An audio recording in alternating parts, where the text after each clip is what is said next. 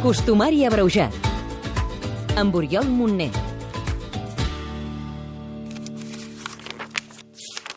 Aquí, 19 de març, Sant Josep. Per Sant Josep, el brot al cep.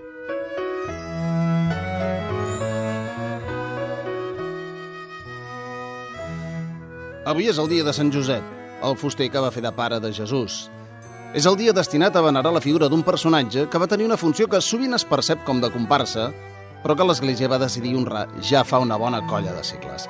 La cosa ve de finals del segle XIV, quan els franciscans i els dominics fixen el 19 de març, tal dia com avui, com a data de l'onomàstica, i al segle XV la festivitat és molt promocionada pels catòlics flamencs. Lluís Garcia, historiador.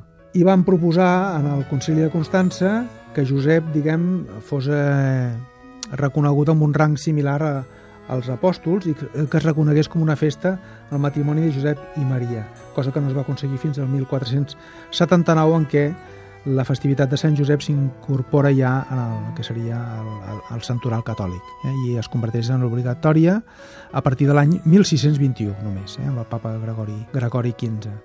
A Catalunya, la figura de Sant Josep agafa volada a partir del segle XVI, després que els carmelites descalços n'adopten el patrocini i en posen el nom al convent que tenien a les Rambles de Barcelona. El tram que encara es diu de Sant Josep, el tram central, on hi ha la boqueria o mercat de Sant Josep, tal com resa l'encapçalament del mercat. També va donar-li ressò l'església de Santa Maria de Gràcia, la dels Josepets, a la plaça Lesseps de Barcelona. Al conjunt del catolicisme, la figura de Sant Josep torna a agafar força a finals del segle XIX, quan el papa Lleó XIII marca la data com a festa de precepte i mana que sigui dia de guardar com el diumenge. De fet, va proclamar Sant Josep patró universal de l'Església.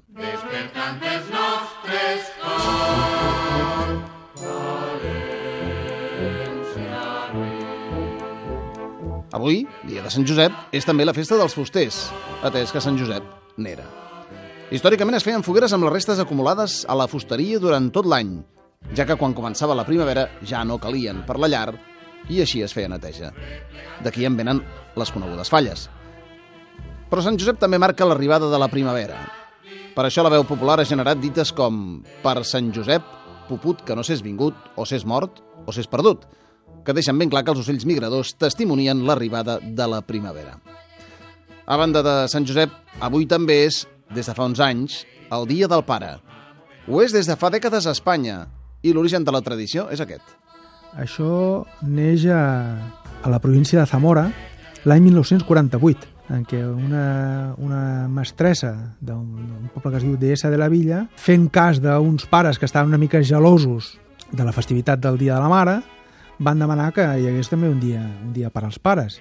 Ella va ser receptiva i li va semblar que la data bona era la data de, de Sant Josep, perquè era el pare de Jesús. I d'aquí ve. I el màrqueting dels centres comercials va fer-ne la resta. Com en moltes festes tradicionals del calendari, avui a casa molts hi tenim una menja molt concreta, la famosa crema de Sant Josep. Per què en mengem avui? La gran quantitat d'ous que les gallines començaven a pondre a la primavera n'és, en bona part, responsable. Fermí Puig, cuiner. Bé, hi havia, perquè hi havia accedit. La crema de Sant Josep es feia no només per Sant Josep, però quan la iaia feia crema, feia, i en feia quan? Potser 4 o 5 vegades l'any. Però no era habitual. Per tant, en el món rural, que era el gruix de pràcticament totes les capitals de comarca, era bastant habitual que la gent tingués gallines al seu abast i ho tingués molt a prop. Per tant, la gent menjava normalment ous de casa seva. Ja fa dècades que la crema de Sant Josep s'ha deixat de fer a les cases i que es fa industrialment, perquè d'ous ara en tenim tot l'any, però la raó última va vinculada un cop més al cicle de la natura. Per més que caigui enmig de la quaresma, per Sant Josep ens permetem alguns plaers gastronòmics.